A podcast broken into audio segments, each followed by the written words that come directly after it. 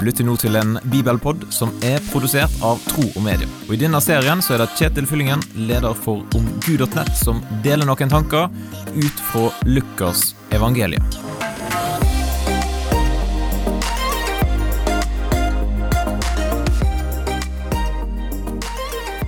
Vi mennesker har lett for å tilbe forskjellige ting. Noen ofrer alt for laget og står med løfta armer på stadion og lovsynger for full hals. Andre strekker armene i været på en fjelltopp og beundrer naturen. Vi kan tilbe andre personer, penger eller produkt. Men er det da vi er skapt for å tilbe? I vers 5-7 i kapittel 4 i evangeliet etter Lukas så står dette.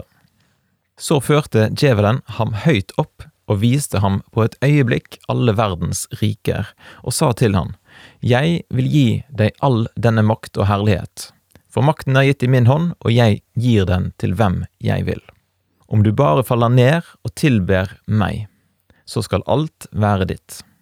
Men Jesus svarte han, Det står skrevet, Herren din Gud skal du tilbe, og ham alene skal du tjene. Jesus drar igjen fram sverdet sitt, Guds ord, og parerer nok et angrep fra djevelen med 'det står skrevet'. Det viser jo litt hvor viktig det er å kjenne til hva er det som står skrevet, hva er det som står i Bibelen, sånn at vi kan være beredt til å parere ulike angrep, ulike fristelser. For det er lett å bli frista til å tilbe noe av det skapte, framfor å tilbe skaperen. Men det er en dårlig byttehandel.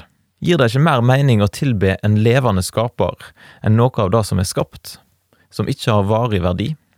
Hva tenker du om disse ordene her i Lukas kapittel 4? Du er velkommen til å dele dine tanker med meg. Send en e-post til kjetil1troogmedia.no, og del gjerne Bibelpodden med noen som du kjenner. Da ønsker jeg deg en fin dag, og så poddes vi plutselig igjen. Takk for at du lytter gjennom denne bibelpodden. Og Vil du gi en tilbakemelding på det som du hørte, eller vil du lære mer om kristen tro? Da kan du gå til nettsida omgud.nett. Eller du kan sende en e-post til kjetil etter troogmedia.no.